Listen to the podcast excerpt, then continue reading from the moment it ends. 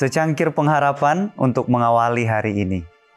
Renungan pagi tanggal 1 Maret, penganjur dalam takhta Allah. Roma 8 ayat 34. Kristus Yesus yang telah mati, bahkan lebih lagi yang telah bangkit, yang juga duduk di sebelah kanan Allah, yang malah menjadi pembela bagi kita.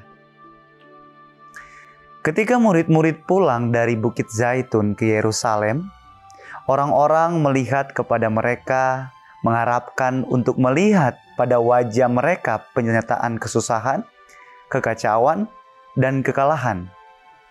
Tetapi mereka melihat di sana wajah kesenangan dan kemenangan. Murid-murid tidak bersusah atas harapan mereka yang dikecewakan. Mereka telah melihat juru selamat yang telah bangkit dan perkataan perjanjian perpisahannya tetap bergema di telinga mereka.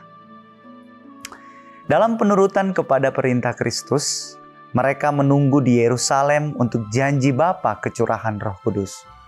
Mereka tidak menunggu dengan sia-sia. Catatan mengatakan bahwa mereka senantiasa berada di dalam bait Allah dan memuliakan Allah. Lukas 24 ayat 53.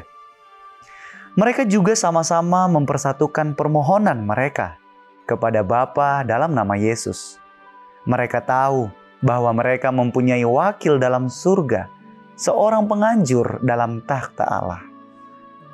Dalam perasaan yang penuh hikmat, mereka bertelut dalam doa, mengulangi jaminan sesungguhnya segala sesuatu yang kamu minta kepada Bapa akan diberikannya kepadamu dalam namaku. Sampai sekarang, kamu belum meminta sesuatu pun dalam namaku. Mintalah, maka kamu akan menerima, supaya penuhlah sukacitamu. Yohanes 16 ayat 23 dan 24. Lebih tinggi dan tetap lebih tinggi mereka menunjang tangan iman dengan alasan yang berkuasa.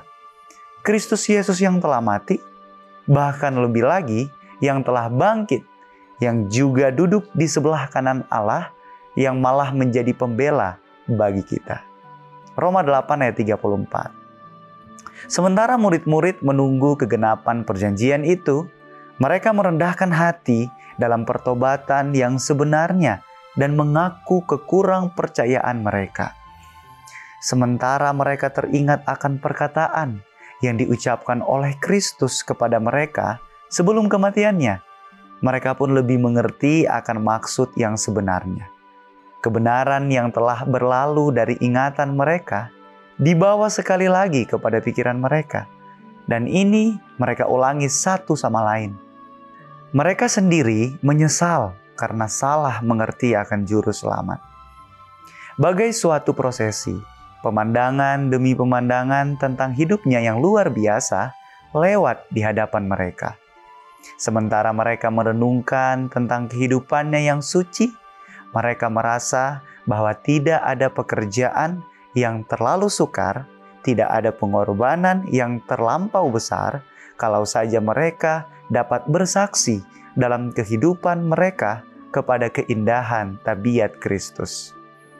Oh, jikalau seandainya mereka bisa mengulangi lagi masa tiga tahun hidup bersama-sama, pikir mereka alangkah berbedanya tindakan mereka doa kita hari ini.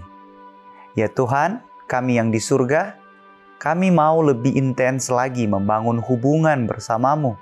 Kami mau menghargai setiap momen yang kami jalani dan miliki bersama Yesus. Amin.